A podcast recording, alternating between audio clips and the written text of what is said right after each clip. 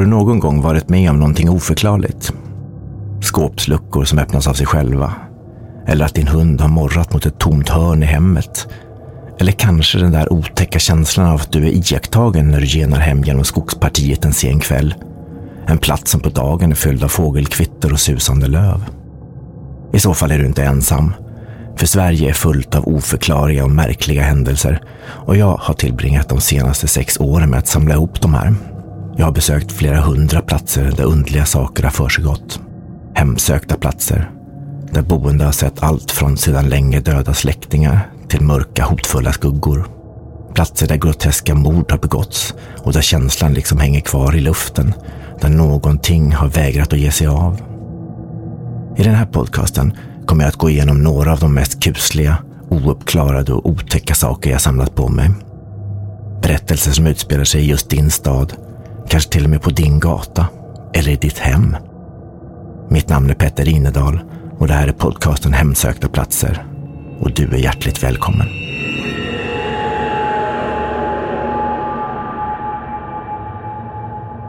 Det är inte så jättemånga år sedan brevskrivning var en vardagssyssla. Nästan alla människor skrev.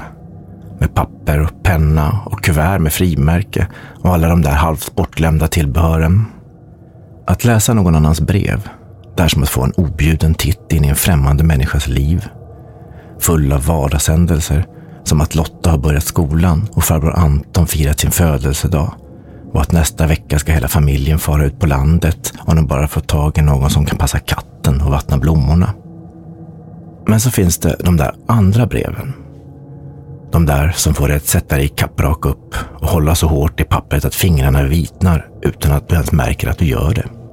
De där vars innehåll är så speciellt och så otroligt att du måste läsa dem flera gånger innan det går upp för dig vad det egentligen är som står. Jag har samlat på historier om det oförklarliga en hel del år vid det här laget, men kommer ändå aldrig att glömma något av de tre brev jag nu ska berätta om. För det här är bland de märkligaste och mest skrämmande historier jag någonsin tagit del av. De är nästan alla skrivna i första person, alltså direkt av den som upplevt det. Och vad förklaringen är till de här märkliga händelserna, det har jag inte en aning om. Jag vet bara att jag är innerligt glad att jag kunnat ta del av det här via några pappersark och inte behövt vara där när det hände eller vara med om någonting liknande själv. Historien från det första brevet fann jag i ett arkiv. Den är skriven med kulspetspenna på ett vikt linjerat ark och daterat Södertälje den 23 5 1962 och underskriven med såväl namn som adress. Det brukar sägas att spöken är ofarliga då de ju inte kan göra annat än att framkalla buller och förvända synen på de stackars levande. Men vad ska man då tro om följande historia som slutade med två människors död? Söder om Linasundet vidgar sig Södertäljeviken på nytt och strax därefter möter två små holmar som går under de putslustiga namnen Limpan och Fläsket. På västra sidan, där ligger det hemsökta ålderdomshemmet Karlberga, men österut reser sig stranden brant med bergiga höjder där skogen ömsom står tät och ömsom hackats ut för att rymma bebyggelsen. Här ligger bostadsområdet Bergvik, liksom utstrött av en jättehand i dalgången mellan två bergshöjder. Bergviks historia börjar med anläggandet av Hansta tegelbruk någon gång strax efter sekelskiftet 1800. Men området har sitt namn efter en villa som byggdes på det då nedlagda bruket plats under 1880-talet. Det stora vita trevåningshuset syntes väl från vattnet och blev med sin ångbåtsbrygga ett omtyckt vykortsmotiv. Huset skulle med åren bli pensionat med namnet målat i meterhöga bokstäver på fasaden. Senare byggdes de om till lägenheter innan det liksom mycket av det övriga Södertälje blev offer för rivningsraseriet under mitten av 1900-talet.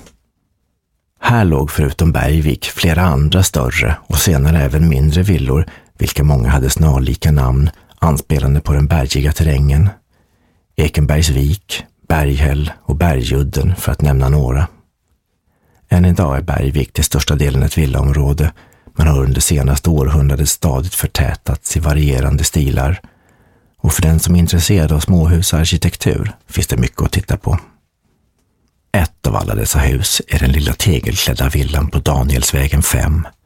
hukande under den bergstopp där lokalsägen placerat ett bronsåldersröse.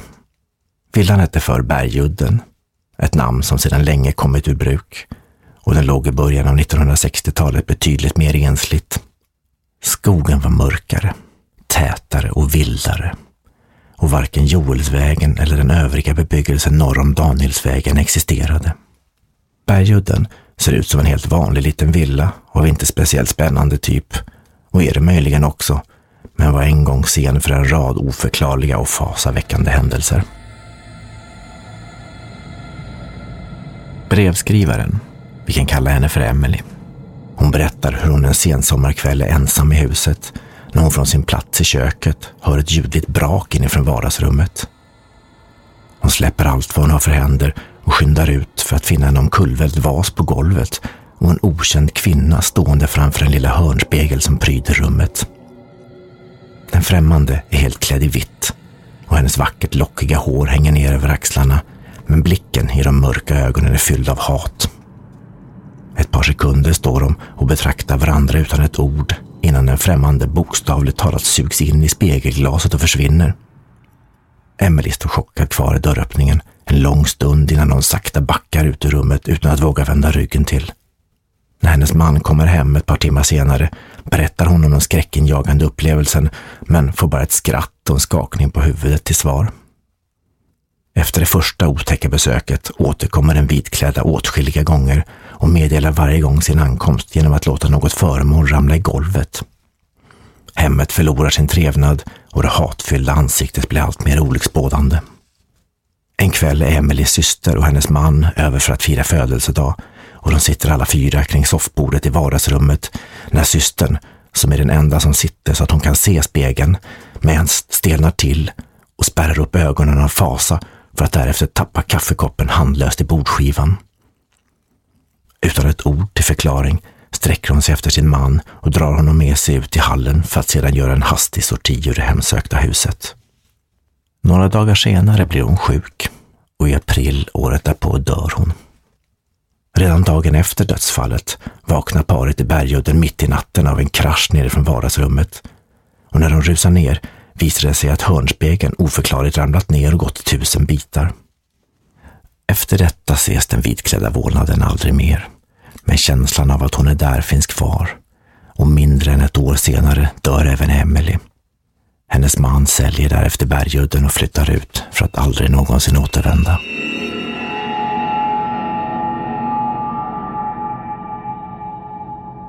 Den andra historien kommer från ett brev jag hittade i Nordiska museets arkiv. På den tiden beläget i ett ganska trist, nära på fönsterlöst rum i garnisonen i Stockholm. Det är skrivet anonymt och inte daterat, men skulle komma att bli bekräftat på ett lika oväntat som direkt sätt. För efter att jag hade publicerat det på min hemsida så blev jag kontaktad av en kvinna som tidigare bott i just det hus som brevet talade om och hon hade upplevt väldigt snarlika saker där. Mellan E18 och den långsmala Garnsviken ligger jordbrukslandskapet så gott som orört kvar. Där vägen ringlar mellan resterna av alléer och kringströdda gårdar och lador kan man än idag se åkrar plöjas och sås. Strax bredvid Brottby gård passerar man ruinen av Össeby ödekyrka med enstaka gravstenar ännu stående i det ojämna gräset. Det höga gavelröstet med sina stirrande fönsteröppningar tonar upp sig likt en stor hand och det vilar en märklig stämning över de medeltida murarna. En stämning som som mest påtaglig i den forna sakristian. Det är svårt att sätta ord på den, men det känns nästan som om prästen ännu var kvar under de raserade tegelvalven. Man tror att Össerby kyrka byggdes under 1400-talet på platsen för en minst 200 år äldre träkyrka. Under 400 år firades mässor här innan de bägge grannsocknarna Österby och Garn slog samman till den enda och man plötsligt fann sig ha en kyrka för mycket. Österby kyrka, som var den mindre av de två, tömdes på inventarier och lämnades sedan att förfalla. Med åren har de bastanta gråstensmurarna gett vika för tidens tand, men under gräset ligger de döda som förr och väntar på uppståndelsen. Den som fortsätter Prästgårdsvägen bortom Össerby ödekyrka kommer, inte helt otippat, så småningom till Brottby gamla prästgård. Ingen präst bor här längre, Men gården är ändå en av få svenska prästgårdar som ännu ägs av kyrkan, vilka idag använder den som pastorsexpedition. Det gulrappade tvåvåningshuset ligger en smula ensligt till på randen av Garnsviken och nattetid är det en föga besökt plats. Om Brottby prästgård berättas en hel del undliga och allt annat än betryggande historier, vilka, om de är sanna, mycket väl skulle förklara varför ingen präst vill bo här. Föremål i prästgården försvinner. De flyttas och de dyker upp till synes helt av sig självt. Små vardagsförträtligheter som kanske inte är skrämmande i sig, men ändå starkt antyder en främmande närvaro i huset. En av Brottby prästgårds tidigare invånare, hon vill inte framträda med sitt namn, men vi kan kalla henne för Astrid. Hon hade sitt sovrum på vinden och berättar hur hon en natt vaknar upp av att någon kommer upp för trappan och går över det knarrande golvet till det stora skåp med dubbeldörrar som i varje fall för några år sedan fanns där. Hon ligger och lyssnar till ljudet av skåpdörrarna som öppnas och stängs, men reflekterar inte så mycket över det då det är ett ganska vardagligt ljud i ett hus där flera personer bor. Det är inte förrän hon natt efter natt hör scenen upprepas som hon kommer att tänka på att nattvardsvinet förvaras i just det där skåpet. Och i tron att det är någon i hushållet som tullar av förrådet så bestämmer hon sig för att ta brottslingen på bar gärning. Ett par nätter senare hörs fotstegen igen och när hon gläntar på dörren får hon se en gråklädd kvinna komma upp för trappan och gå mot skåpet med nattvardsvinet. Astrid känner inte igen henne, men det är mörkt och gestalten vänder ryggen åt. Den gråklädda öppnar skåpet och försvinner in och Astrid, som nu blivit både nyfiken och förvånad, skyndar efter för att se vem det är.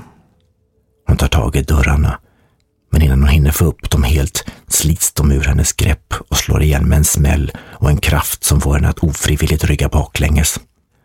Hon står och stirrar med stigande olust när skåpdörrarna återöppnas av sig själva och blottar hylla efter hylla, men ingen klåklädd gestalt. Skräcken sköljer över henne och hon springer ner och väcker den stackars prästen, vilken dock efter endast en blick på sin skärrade besökare torrt konstaterar.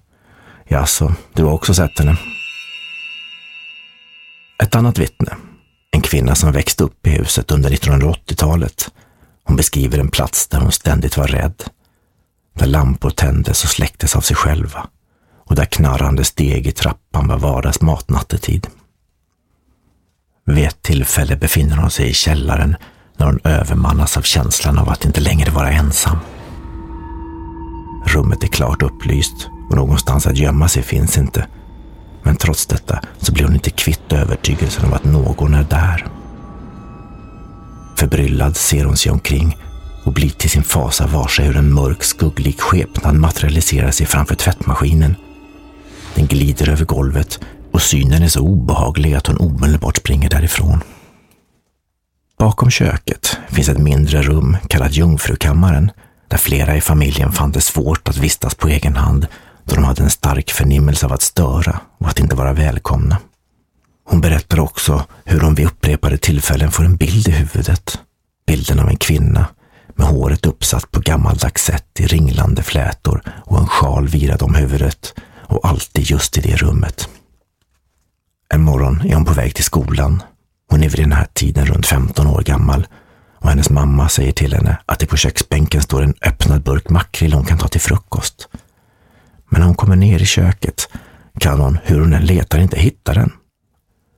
Hon äter sin smörgås utan pålägget och ska utgå när hon av en händelse tittar ner mot golvet och ser makrillburken inskjuten under en skåpsockel. Locket är av, men inte en droppe av tomatsåsens bild. Och när hon ropar dit mamman har inte heller hon någon förklaring till det skedda. De är de enda två människorna i huset och hade konservburken av misstag knuffats omkull borde golvet rimligtvis varit fullt av tomatsås från den breddfulla burken och trots att händelsen egentligen är en petitess har de svårt att få den ur huvudet. Till de mer otäcka företeelserna på Brottby prästgård hör dock den osynliga handen.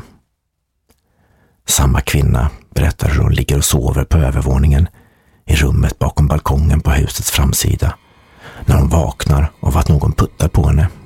Hon kan tydligt känna hur handen knuffar henne i ryggen och frågar sömnigt varför hon blivit väckt i tron att det är någon av hennes föräldrar.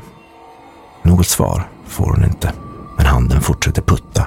Hon tänder sänglampan och vänder sig irriterad om bara för att upptäcka att hon är ensam i rummet och att dörren är stängd.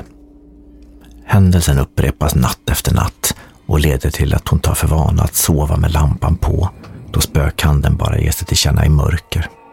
Hon minns upplevelserna ännu många år efteråt med en rysning.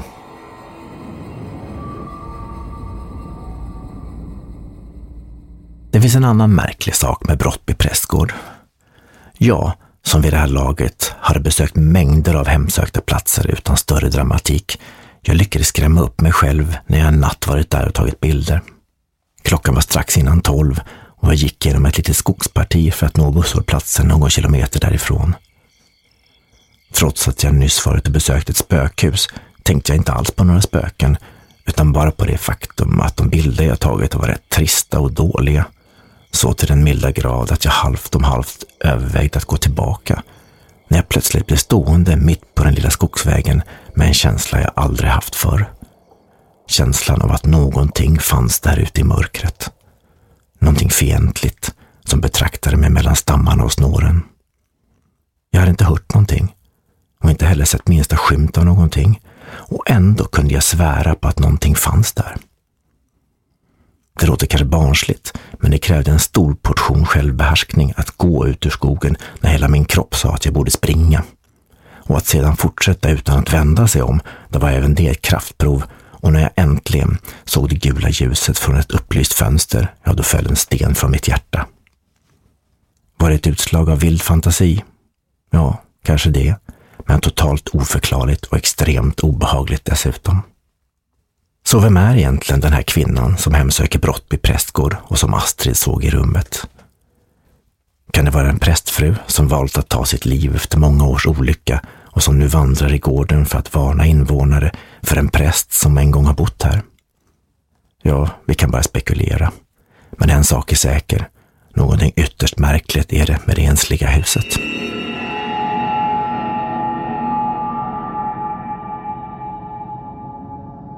Vid ett tillfälle så höll jag ett föredrag i Norrtälje och ämnet var såklart spökerier från trakten. Jag kom då av en händelse och pratade med en man. Han var medlem av Roslagens hembygds och fornminnesförening och de hade en gång haft en utställning just om lokala spökerier. Det ena hade skett för ganska många år sedan och resulterat i ett antal uppskattande brev från besökare. Men ett av breven skilde sig drastiskt från mängden. Det var en egenupplevd berättelse, så otäck att de inte vetat vad de skulle göra med den och att den därför blivit liggande i deras arkiv, men att jag självfallet kunde få läsa den om jag var intresserad. Någon tid därpå möttes vi inne i ett ljust och soligt rum på Norrtälje stadsbibliotek. Men när jag fick brevet i min hand, då glömde jag både solljus och sällskap. För dess innehåll, daterat Norrtälje 1994, det var bland det obehagligaste jag läst i hela mitt liv med snirklig handstil, skrivet på baksidan av ett reklamblad för en Finlandsfärja, vilket bara gjorde det hela än mer bisarrt, så berättas en historia som än så länge saknar motstycke bland allt jag samlat in genom åren. Och tack och lov för det. Roslagsgatan i Norrtälje sträcker sig norrut genom en trång dalgång mellan norra bergen och de märkligt benämnda Syltbergen. Bebyggelsen här är omväxlande, både till ålder och karaktär men en stor portion villor ger krydda åt kompotten. Och flest sådana hittar man i gatans övre del, alldeles intill Vätövägen. Här bildar Gökvägen en liten avkrok, smygande bakom 1940-talskasernerna i skuggan av Norra bergen. De flesta villorna här är av relativt sent datum, med undantag för Gökvägen 12, ett rött litet hus med vita knutar och tegeltak uppfört 1920. Det drar sig undan från nyfikna blickar så gott det går på det snålt tilltagna tomt. Sommartid nästan helt dolt av det lummiga lövverket. Villan gick en gång under det klichéartat romantiska namnet Solhem. Ett namn som helt fallit ur bruk och nu endast återfinns på järngrindarnas flagnande galler. Villa Solhem har en ålderdomlig fasad med vackert infälld balkong och brant takfall vilket tillsammans med trädgårdens högresta träd vars tjocklek skvallrar om att de stått betydligt längre än granntomternas, skapar liksom en tidskapsel där en del av ett svunnet Norrtälje ännu kan anas. Området ser sömnigt ut. Och kanske är det så också. Där det ligger utanför stadens lilla men turisttäta centrum. Men ska man döma efter vad som berättas om Gökvägen 12 når denna dåsighet sällan in över Villa Solhems rostbruna staket. Spökerier sägs många gånger smyga sig på de levande. Enstaka märkliga händelser blir vardagsmat tills fenomenen steg för steg trappas upp. Men i Villa Solhem gjorde sig det okända känt lika plötsligt som brutalt. Kvinnan som då bodde här är en vinterkväll på väg in i vardagsrummet när hon får en knuff bakifrån så hårt att hon faller handlöst i golvet. Hon slår i huvudet och näsbenet knäcks med stort blodflöde som följd. Det tar lång tid innan hon kvicknar till så pass att hon lyckas resa sig och vingla fram till telefonen för en taxi till sjukhuset. Och där blir hon kvar hela tre veckor. Dagarna i sjuksängen ger gott om tid till reflektioner. Men någon logisk förklaring till olyckan lyckas hon inte hitta. Hon bor ensam, utan husdjur och är övertygad om att det var händer hon kände i sin rygg sekunden innan hon föll. Hemma igen märker hon till sin förvåning hur flera saker flyttats i det tomma och låsta huset under tiden hon varit borta. En burk med knappar, som alltid förvaras i ett skåp i köket, återfinns längst in i garderoben och hennes reservglasögon, som senast låg i en låda i nattduksbordet, hittas mitt på diskbänken. Vid ett tillfälle, när hon varit hos tandläkaren, slår hon sig ner vid köksbordet för att fortsätta sin avbrutna läsning av morgontidningen, när hon till sin olust finner att den är spårlöst försvunnen. Den hittas inte förrän flera dagar senare av en slump, instoppad bakom böckerna i bokhyllan. En morgon finner hon toalettpappersrullen oförklarligt utrullad över golvet. Och en annan dag vaknar hon innan soluppgången av ett ljudligt buller nerifrån källaren. När hon försiktigt smugit ner, fruktande en inbrottstjuv, finner hon fönster och dörrar stängda och låsta utan minsta tecken på åverkan. Men allting som förvaras där nere är slängt huller om buller i en enda röra. Som om någon gått bärsärkagång, vansinnig av ilska. Elektriska apparater slutar fungera så att hon blir en stadig kund hos elektrikern. Och gardinen i vardagsrummet rivs mitt i tur framför hennes ögon av osynliga fingrar. Det kanske mest skrämmande av allt är att de osynliga attackerna upprepas gång på gång. Hon beskriver det som en osynlig kraft som drar henne bakåt eller knuffar henne med resultat att hon flera gånger ramlar, men till all lycka utan att skada sig allvarligt. Idag bor hon inte längre kvar på Gökvägen 12. Hon är död sedan flera år, men har sagt om tiden där att det var lite kusligt ibland, vilket knappast låter som en överdrift. Av okänd anledning var hon övertygad om att den som spökade i Villa Solhem var hennes döde man, eller möjligen den tidigare ägaren, vilken enligt uppgift skulle varit sinnessjuk. Hur det är idag, ja, det är inte gott att säga. Frågan är om de nuvarande husägarna vet att de har oönskade inneboende som kanske när som helst kan ge sig till känna.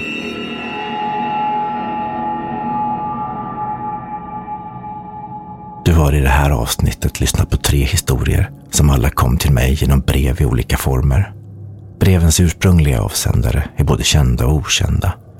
Men händelserna de beskriver har förmörkat platserna i årtionden, kanske mer. Har du en historia om någonting som har hänt dig? Skicka den i så fall till mig på hemsoktaplatser.potme.com och du kan få den uppläst i podcasten. Vi läser alla mejl som kommer in och jag reser själv land och rike runt för att höra historierna och gräva mig djupare ner i det oförklarliga. Historierna i nästa veckas avsnitt har alla sitt ursprung i naturen. Vet du egentligen vad det är som gömmer sig i skogarna runt om i landet?